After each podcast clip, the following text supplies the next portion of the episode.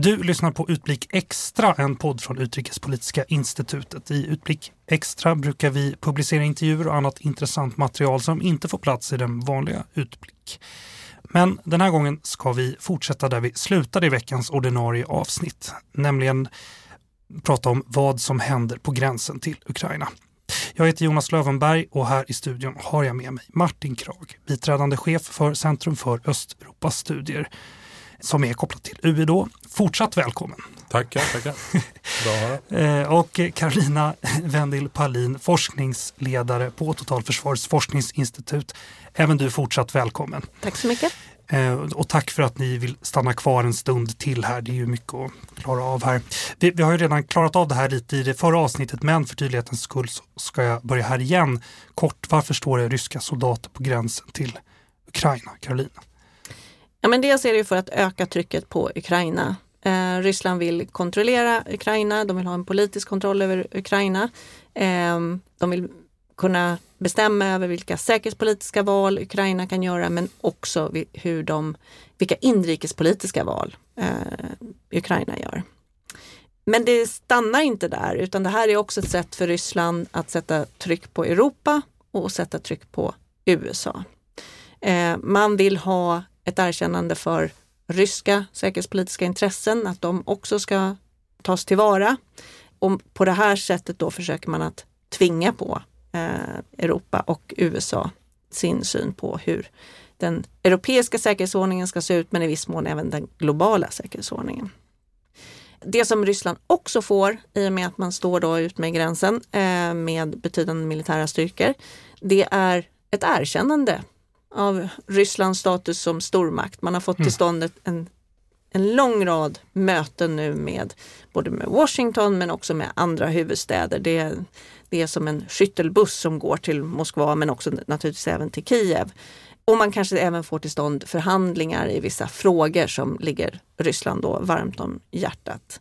Eh, och det visar ju också att, eh, att Ryssland har den här militära förmågan och att man kan påverka eh, politiken med hjälp av den. Det är, en, det är en militär förmåga som man har byggt upp under eh, allt sedan skulle jag säga 2009-10 började man med det.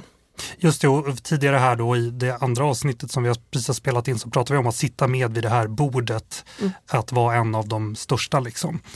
Um, precis, bara också det här, vi har vi ju pratat om lite men, men också kort, vilka, vilka är de viktigaste komponenterna eller, eller spelarna här om vi bara kan repetera det kort, Martin, om det går. Du menar i det ryska politiska systemet? Ja, i den här eh, ryska eh, Ryssland-Ukraina-konflikten här, om det är en sån. De viktigaste spelarna, oj. Um, alltså, det finns egentligen en person som, som kan liksom öka eller minska intensiteten i den här konflikten och det, är, det är Putin. Okay. Han, han håller ju liksom styrspaken eh, tydligt i sin hand och, och, när han liksom ökar konfrontationsnivåerna så får han andra aktörers uppmärksamhet. Eh, från ukrainskt håll så har man ju intressant nog försökt tona ned det här eh, diskussionen om eh, liksom ett eh, förestående eh, ryskt militärt hot. Dels för att eh, det har redan skadat Ukrainas ekonomi avsevärt. Eh, eh företag, utländska företag inte minst, drar sig ju för att investera i länder som USA påstår snart ska bli invaderade. Eh, och, och, och, eh, en rad sådana problem som de har att hantera inrikespolitiskt. Han, han liksom, det han behöver in, alltså, Ukrainas president Zelensky, han, han, behöver verkligen inte den här frågan just nu för sin egen roll. Så, så han, han, han försöker liksom hålla distans till den. Men eh, de andra centrala aktörerna det är givetvis USAs president Biden och i viss mån två eh, länder i EU, Frankrike och Tyskland. Eh, det, det, är ju de som har liksom varit aktörer om vi ska prata om liksom, stadsstater i det här. Mm. Jag tycker Martin har en jätteviktig poäng där han pekar på att det är, det är faktiskt Ryssland som har initiativet. Eh, om, om Ryssland skulle backa tillbaka så skulle också Ukraina eh, jag menar, det, det, då skulle ju situationen förändras. Och samtidigt insisterar ju Ryssland på att man inte är en part utan att man snarare är en medlare. Vilket är eh, lite eh, pikant får man säga. Eh, och det som, det som Ryssland också gjorde tydligt egentligen då redan i somras när, när Putin skrev en artikel om vänskapen mellan Ukrainas och Rysslands folk, det är ju att man ser egentligen inte Ukraina som självständigt. Utan i den ryska analysen så är Eh, den ukrainska politiska ledningen bara USAs lakejer. Och det här gjordes ännu mer tydligt i en eh, artikel av eh, Dmitrij Medvedev under hösten. Eh, och därför så i Rysslands ögon så är motparten som man förhandlar med om Ukrainas öde, det är Washington. Jag, måste, jag ska fråga det här också. Är, är det något som tappas bort i den dagliga nyhetsrapporteringen kring det här? Vad, vad, vad missar eh, de, de vanliga nyhetsredaktionerna? Ja, men det blir ju väldigt mycket fokus på eh, hur mycket trupp Ryssland har ut med gränsen av naturliga skäl naturligtvis. Mm. Eh, men eh, Ibland då tycker jag att man glömmer bort att titta på lite längre trender. Hur ser Rysslands ekonomi ut till exempel i ett eh, långsiktigt perspektiv? Eh, hur ser rysk inrikespolitik ut i ett långsiktigt perspektiv? Och också det som vi har varit inne på i det förra samtalet att eh, det som händer i, i Rysslands grannländer, i Belarus och i Kazakstan där man har haft folkliga protester då eh, 2020 i Belarus och sen eh, i januari nu i år, 2022 i Kazakstan. Så att det finns en massa andra saker som pågår också och vi stirrar oss väldigt mycket nästan blinda på eh, varenda liten trupprörelse. Ja just det, det blir bra nyhetsbilder också av mm. pansarvagnar och soldater. Mm. Martin, vad säger du, vad missar vi i, i nyhetsrapporteringen utöver det som mm. Carolina precis nämnde? Jag, jag håller med om allt det Karo har sagt. Jag skulle tillägga en aspekt. Ja, om vi pratar om Ryssland så är det den inrikespolitiska dimensionen. Eh, där landet sedan två år tillbaka, landet har stadigt rört sig i en mer auktoritär riktning under Putins tid vid makten. Men den har accelererat på en mycket oroväckande nivå de sista två åren. Började väl kanske med giftmordsförsöket på, på oppositionsledaren Alexej Navalny med Novichok, ett, ett kemiskt stridsmedel som är förbjudet i internationella konventioner. Och, eh, och nu för ett par månader sedan så eh, klassades hans politiska organisationer som extremistorganisationer. De likställs alltså med al-Qaida exempelvis. Och man har också eh, börjat ge sig på och försöka stänga ner Memorial, Rysslands mest kända människorättsorganisation och försvarare av det historiska minnet av, av stalinismen. Eh, så att det är, en, det är en mycket oroväckande utveckling och om den fortsätter på det här sättet så, så kommer det givetvis ha konsekvenser för för, för hela Ryssland men, men också för alla Rysslands grannländer. Den här interna aggressionen, den, eller liksom repressionen, den speglas ju i den externa aggressionen. De, de två sakerna hänger ihop. Mm. Och, eh, alltså utrymmet för den politiska oppositionen i Ryssland, det har nästan helt försvunnit skulle jag säga under 2021. Ja. Alltså de, de kända ansiktena, de som inte är i fängelse, de, de har ju tvingats fly landet. Ja. Och många sitter i Kiev idag? Ja, Kiev, Baltikum, eh, Polen. Eh, där har du många ryssar idag i exil och också belaruser. Mm. Just det, och det ska jag säga till lyssnarna att vi har faktiskt gjort ett program här om, om repressionen i Ryssland som ni gärna får lyssna på också. Du behöver inte säga det här som jag just sa. Men då har ni fått en liten det, teaser. Det, det, det, du var ju faktiskt inte med den gången så vi vill också höra vad du har att säga. Eh, Carolina, som du, som du sa i slutet av vårt förra samtal här att vi ska inte ägna oss åt att spekulera för mycket men eller alls kanske. Om vi kan undvika det men jag måste ändå fråga då, alltså, tror ni att Ryssland kommer kliva in i Ukraina? Finns det någon skäl för Ryssland att göra det? det vi ska väl bara säga då också om man inte har lyssnat på förra programmet, det presenteras som eh, man har ställt soldater på gränsen eh, till Ukraina för att också få igång ett samtal, inte sant? Mm. Vad, vad, är, vad är möjligheterna för en invasion? Går det att säga någonting om det? Ja, men Ryssland har ju redan invaderat Ukraina. Ja, det skedde det 2014 ja. eh, och i praktiken så är det ju Ryssland som har kontroll över eh, de områden som kallas då för folkrepubliker, Luhansk och Donetsk folkrepubliker i Donbass. Så att man har egentligen redan tagit det steget skulle jag säga. Ja. Och det som man gör nu är att man ökar pressen. Eh, och vi vet inte hur långt Ryssland är redo att gå. Eh, det man kan konstatera är att eh, om man skulle tänka sig en, en, mer, en större invasion, jag menar det kräver eh, betydande militära resurser. Eh, Ukraina är ett stort land eh, och dessutom det är 40 miljoner invånare. Eh, det är något helt annat än att eh, till exempel eh, ta Krim. Dessutom, där Ryssland tidigare har använt eh, har genomfört militära operationer, då har man ju haft en, en övervägande vänlig befolkning så att säga när man, när man mm. eh, eh, kommer dit. Och det kommer ju inte vara fallet i Ukraina. Så att det skulle vara ett betydande risktagande och förenat med betydande kostnader. Vad säger du Martin? Jag håller med. Eh, jag kan inte bedöma eh, liksom den här militära styrkeförhållandena som, som liksom amerikanerna framförallt liksom diskuterar och man oroar sig i, mm. mycket i USA över det här. Men Eh, I dagsläget så, eh, så förefaller inte den eh, styrke, de, de, liksom de, de soldater, det, det materiel som Ryssland har, har frambaserat längs med gränsen förefaller inte tillräckligt för en storskalig invasion i alla fall. Det är väl min bedömning. Men, eh, men som sagt, ehm, mer begränsade operationer, eh, liksom förstöra viss typ av infrastruktur. Vi, alltså, man kan tänka sig många olika scenarios som faller under kanske tröskeln för en regelrätt invasion av landet men som ändå kan ställa till det och skapa oerhörda problem på, i vissa begränsade sektorer eller, eller regioner. Eh, vi ska också komma ihåg att som Karo påpekade så eh, stora delar av Ukraina står redan, eller stora men i alla fall inte obetydliga delar av Ukraina står redan under rysk kontroll.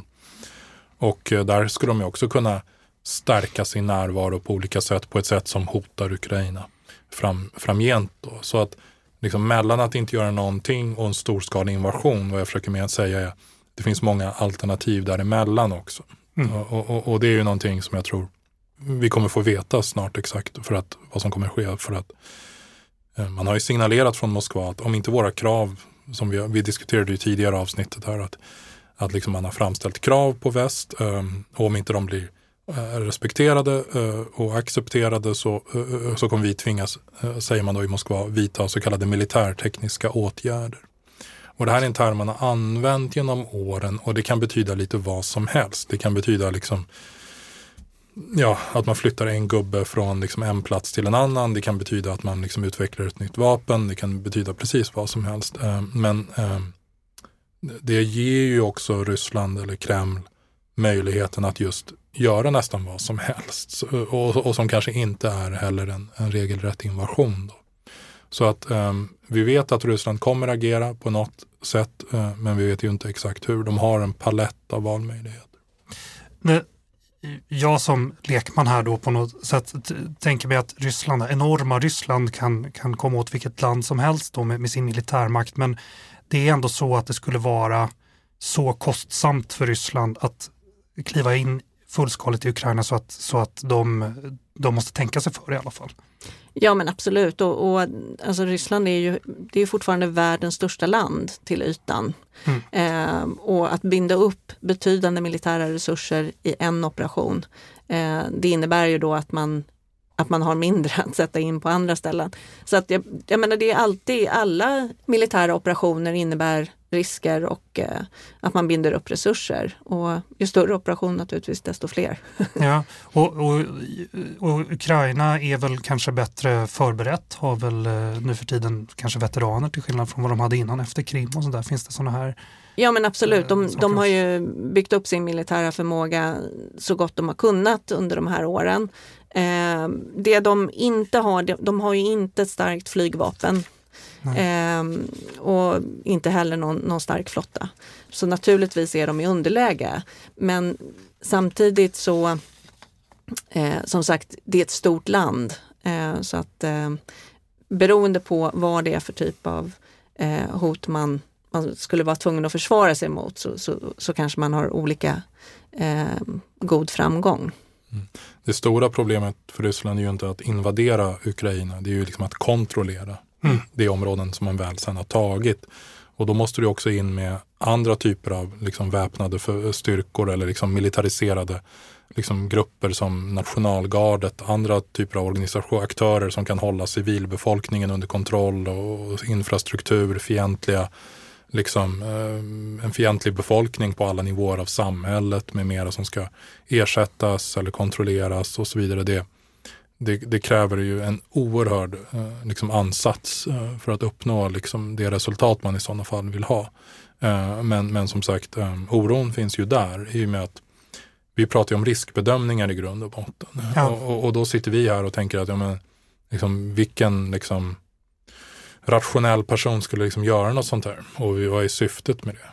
Och, och problemet är ju att liksom, ja, men vad har man för rationalitet i Kreml? Vi vet ju att liksom, så stor del av det här beslutet ligger i en persons händer. Exakt vilken riskbedömning gör den personen?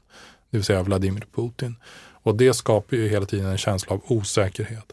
Samtidigt med det sagt så under den här hela situationen som har liksom utspelat sig nu, i alla fall sedan december, så har liksom Ryssland kommunicerat två olika narrativ på ett väldigt intressant sätt. Utåt så har man just velat kommunicera och lyckats kommunicera den här lite instabila osäkerheten av att liksom vi inte ska kunna riktigt veta vad Ryssland avser och har för avsikter. Eh, gentemot den ryska befolkningen så har man liksom tonat ned allt det här och, och, och, och liksom övertygat den ryska befolkningen i alla fall om att liksom någon krig ligger inte alls i korten, några sådana offensiva avsikter finns inte alls. Eh, och så på det sättet har ju liksom Putin också skapat de inrikespolitiska förutsättningarna för sig själv att klättra ner något från det här trädet han har klättrat upp i. Mm. Han har liksom talat mycket om att liksom göra kraftfulla motreaktioner. Men internt i landet så skulle han antagligen kunna backa i viss mån utan att det skadar honom för mycket. Så, så han har ju, de, på det sättet är det ju skickligt spelat. De har skaffat sig ett, ett trevligt handlingsutrymme, osäkerhet i väst, vilket gör att vi kanske blir mer benägna att ge koncessioner och löften vi annars inte hade gett och så vidare och så vidare utan att det behöver kosta Ryssland för mycket i slutändan. Vi, vi har ju pratat om, om Krim här återkommande och eh, som sagt det finns redan, eh, Ryssland har ju redan tagit en del av Ukraina då. Men vad, vad skiljer den här, här, den här situationen från den när de klev in i eh, Krim i stort? Det som eh, eh, skiljer den nuvarande situationen är ju att vi, vi ser klart och tydligt vad som händer. Mm. Och, och, att det har pågått nu under snart ett års tid, den här eh, liksom uppbyggnaden av militär närvaro längs gränsen. Så, så att um, sker det något i den riktningen igen så kommer ju ingen kunna säga att oj vad, vad förvånade vi blev. Um, däremot med Krim så gick det ju oerhört fort. Um, man utnyttjade ju vissa liksom, förberedelser på marken men eh, hela operationen var ju över inom loppet av en vecka. Och, och, och, och, det var inte tillräckligt då för att omvärlden skulle hinna reagera. Idag kanske det skulle vara annorlunda, men, men, men då räckte det definitivt inte till. Nej men precis, överraskningsmomentet är ju borta och eh, Ukraina är bättre rustat den här gången. Det är väl de två stora skillnaderna skulle jag säga. USA har satt soldater i beredskap. Tyskland har nekat att exportera vapen till Ukraina men säger att om det sker en invasion så är alla åtgärder möjliga. Så vad skulle Ukraina få för stöd om det var så att Ryssland eh, klev in i landet? Går det att säga något om det? Det man har utlovat väldigt tydligt och redan tidigt eh, från västsamfundet, USA och EU är ju starka sanktioner. Det finns redan sanktioner på plats eh, som inte är helt eh, oväsentliga. Men eh, än, än mer kraftfulla sanktioner skulle komma. Och, och, det skulle vara politiskt eh, helt eh, okontroversiellt i västländerna att, att införa det. Eh, inte minst i USA där det är förvånansvärt kanske är den enda fråga där både republikaner och demokrater är överens. Eh, så är det hur man ska förhålla sig till Ryssland mer eller mindre. Eh, och eh, så att det är ju en kostnad som, som Kreml eh, måste hela tiden ta i beaktande. Men där har man då varit väldigt tydlig och Biden sa att det är liksom inte från den nuvarande situationen i Ukraina utan det är om Ryssland går in ytterligare i Ukraina. Det är det som kommer så att säga trigga sanktioner, nya sanktioner. Så det har man ju varit väldigt tydlig med vad som gäller. Vi, när vi började det här samtalet så pratade vi om de här stora spelarna här. Vi, USA och Ryssland är väl ganska tydliga här, men eh, Frankrike och Tyskland, vad, vad, spelar de för roll i det här? Ja, men de har ju en roll till exempel inom ramen för eh, Minskavtalet och Normandieformatet. Så att det, de har ju en roll. Eh, men som sagt, Ryssland var ju väldigt tydligt eh, i eh, eh, eller Putin var väldigt tydlig i den här artikeln att det, det är framförallt USA man ser som aktör. Eh, och om man tittar på Rysslands förnyade nationella säkerhetsstrategi från i somras, där nämns inte ens Europeiska unionen. Så att Ryssland vill ha att göra med USA. Det är där man på något sätt ser att Eh, det är där man skulle kunna få de här garantierna på något sätt. Det, det, det är den riktiga aktören. Det hänger möjligtvis ihop om vi pratar om timing nu. Så, uh, USAs utträde ur Afghanistan kan ju möjligtvis vara en faktor uh, när man i, i Kreml, med, som har lett till att man i Kreml tror att, att förutsättningarna nu är bättre än tidigare. Att USA kanske inte har samma aptit på att upprätthålla liksom vissa regler och så vidare internationellt som man tidigare har gjort. Inte för att man alltid gjorde det i Afghanistan, men, men i alla fall. Det kan vara en faktor. Men, men just som Karo säger, det är USA, när man pratar om väst så är det USA man riktar in sig på och, och sen är det Kina och möjligtvis andra aktörer. När man pratar om andra länder som inte tillhör väst. Då. Men EU är intressant nog helt första och, och det festligt nog har lett till viss frustration i, i Bryssel. Eh, det fanns ju ett uttalande där från en politiker som sa att hur kan vi göra oss relevanta? Ställde han sig den frågan och det är ju något sorgligt.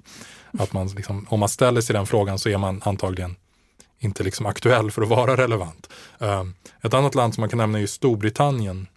Storbritannien kan spela en roll om vi pratar om sanktioner i och med att eh, de är en global finansiell hubb på ett sätt som få andra länder är. Så att stora, eh, eh Ryssland har ju haft kapitalflykt under nästan alla år sedan 1991. Och, och, stora mängder kapital från Ryssland har parkerats i London, i, på banker, på, i fastigheter och, och så vidare. Eh, och där gjorde man ju från London ett uttalande då, det kan man ju bedöma själv hur, hur strategiskt, hur kommunikativt intelligent det var. Men de sa att vi vet att det finns massa korrupta pengar i London från Ryssland. Och om ni går in ytterligare i Ukraina, då jäklar, då kommer vi sätta stopp för det. Det vill säga inte annars.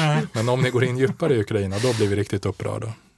Finns det några mer faktorer som har med tajmingen att göra här? Att det här sker nu och inte för ett år sedan eller om ett år? Ja, men man kan ju konstatera att eh, vi har inte en, längre Merkel eh, som en kansler i Tyskland. Så det här är ett sätt att testa Tyskland lite grann och vi har ett presidentval på gång i Frankrike.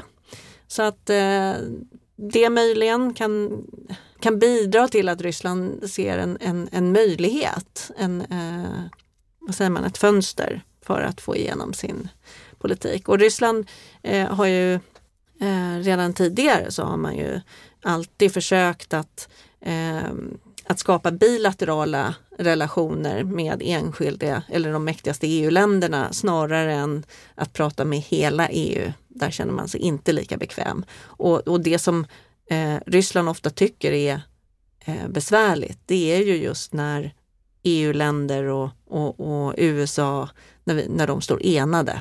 Jag ska också fråga, vad, vad spelar det nya styret i Ukraina för roll för situationen? Det är ju en ganska ung regering. Nej. Zelensky valdes till president för några år sedan på ett oerhört brett mandat och stort stöd eh, från alla håll och kanter i landet. Vilket var viktigt för att det har ju funnits en, lite av en myt eller ett narrativ av att Ukraina skulle vara så splittrat mellan öst och väst och att väst eh, i Ukraina vänder sig mot EU och öst och, östra Ukraina vänder sig mer mot Ryssland. Men, men det, det, stämmer inte riktigt, det är en förenkling. Zelenskyj hade brett stöd i hela landet, eh, förutom där de här ockuperade områdena där folk inte kan delta i valen. Eh, men ehm, vad som har hänt sista åren är ju att eh, många av de här löftena han givetvis gick till val på, de, de har inte kunnat uppfyllas, det har inte blivit fred, det har inte blivit den ekonomiska tillväxt som många hade hoppats på. Istället har vi sett att även Zelensky förbereder sig för nästa val och det har han gjort bland annat då genom att skapa en situation i alla fall där eh, tidigare presidenten eh, Poroshenko nu står under eh, åtal för brott mot rikets säkerhet och det är väldigt luddiga anklagelser eh, som äger rum där. Och, och sen också att han har klämt åt på ganska hårt sätt en ukrainsk oligark, Medvedchuk, eh, som har ägt flera tv-stationer och som regel har varit väldigt eh, orienterad mot Ryssland och, och det finns också eh, personliga vänskapsband mellan den här oligarken och Putin. Så eh, vad Zelenskyj har lyckats göra är att han har lyckats liksom, eh, eh, göra både så att säga Putin förbannad genom att ge sig på Putins vänner i sitt land och han har samtidigt gett sig på Parashenko som har relativt gott anseende i väst. Så att ehm, um, Zelensky har ju liksom skapat ett eget problem på det sättet att han genom att försöka komma åt sina politiska motståndare har skapat problem både i relationerna till väst och till, till Ryssland och samtidigt. Okej, och, och, den här situationen påverkar det varför det här händer nu?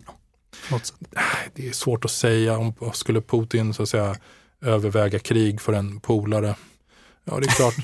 alltså, läser man liksom mycket romantisk litteratur och sådär för krig och kärlek, kärlek och sådär, liksom vänskap, ja visst möjligtvis, men det, det, det är lite långsökt. Um, Nej, men jag, alltså, jag tror att eh, den ryska politiska ledningen hade nog hopp om att man skulle få större inflytande över Zelensky som mm. oerfaren politiker än man faktiskt fick. Mm. Eh, och, och återigen, om man, om man tittar på dels eh, Putins artikel från i somras om, om eh, vänskapen mellan ukrainska och ryska folken så säger han i stort sett att ja, men det, eh, Ukraina har liksom blivit en spelplats för ett antiryskt projekt. Mm. Och det styrs från USA i stort sett, eller från väst. Då. Men också om man tittar på eh, vad Dmitrij Medvedev som numera då är vice ordförande i säkerhetsrådet. Han, han flyttades från pres, eh, premiärministerposten som en möbel som en rysk analytiker sa. Eh, han, han eh, är inte så inflytelserik men han skrev en artikel just på, på samma tema och han har då fem olika punkter och alla de här fem punkterna de, de säger i stort sett samma sak eh, på olika sätt. Nämligen att vi kan inte förhandla med Zelensky. Han har ingen egen politisk makt utan är styrd av USA. Det är USA vi måste prata med. Så att för Ryssland så har det här eh, länge varit eh, klart att de tänker inte förhandla med Zelensky utan de vill förhandla med USA om mm. Ukrainas öde. Jag har slut på frågor här, jag har bara en kvar. Är det något mer vi ska prata om? Nej, det är bra att Karo kommer in och liksom förtydligar mitt uh, jag, tycker ni, jag tycker det är jättespännande att lyssna på er. Okej, men då tar vi den sista då, mm. helt enkelt. Vad ska vi hålla koll på framåt här? Ja, men det är ju svårt, eh, vad är nästa stora händelse? Det beror på tidsperspektivet. Mm, ja. Eh, och vi har ju hamnat i ett läge där vi liksom sitter och funderar på vad som ska hända eh, nästa onsdag. Eh, nästan. Eh, och då hamnar man ju just i eh, ganska lönlösa spekulationer om vad Ryssland tänker göra då. Men om man tittar lite på längre sikt så eh, då skulle jag säga 2024, nästa presidentval i mm. Ryssland. Eh, det kommer vara en tidpunkt då Ryssland känner sig eh, väldigt sårbart. Och också, jag menar det, det som också kan hända är ytterligare oroligheter i andra grannländer till Ryssland. Så att det finns, eh, tycker jag, beroende på vilket tidsperspektiv man har så finns det ett antal olika händelser som, som kan vara av intresse framöver. Kort och långt tidsperspektiv, Martin, vad säger du? Ja, men det är en väldigt klok eh, synpunkt och, och, och, då kan man kanske möjligtvis till och med dra ut tidsperspektivet något än mer. Eh, jag tänker på stora liksom, framtida utmaningar. Vi har klimatförändringar, Eh, Ryssland kommer påverkas oerhört mycket. Eh, uppvärmningen som sker globalt sker snabbare eh, i Ryssland. Ryssland är ett arktis liksom, land med liksom, stora delar av sitt territorium i permafrost som nu tinar. Det här ställer liksom helt nya utmaningar som Putin inte alls har förberett sitt land på. På sikt en energiomställning, elektrifiering, efterfrågan globalt på olja och naturgas kommer minska på sikt. Det här är export av olja och naturgas som, som är liksom tillväxtmotorn i ryska ekonomin. Det vill säga, hur har Putin tänkt där? Det har han inte gjort, eh, utan han hela tiden håller oss upptagna just med de här geopolitiska äventyren. Samtidigt som vi har en pandemi också där en miljon människor i Ryssland har dött. Det är liksom oerhörda siffror och det är liksom de officiella siffrorna. Liksom hur man mäter och räknar covid-döda vet vi kan ju också eh, liksom debatteras. Så att eh, Ryssland har en rad liksom, egna problem. De är en del av, de har också, vi har också globala problem där Ryssland måste vara en del av lösningen och, och, och, och där vi på sikt eh, liksom, måste få med oss Ryssland. Men, men, men det finns ingen idag som ens tänker de här tankarna. Mm. Och det finns ju också det som tickar på är ju att Ryssland och USA eh, har ju en strid mot klockan vad gäller att eh, få till ett avtal om strategisk eh, kärnvapen, eh, kontroll, eller vad heter det, rustningskontroll vad gäller strategiska kärnvapen.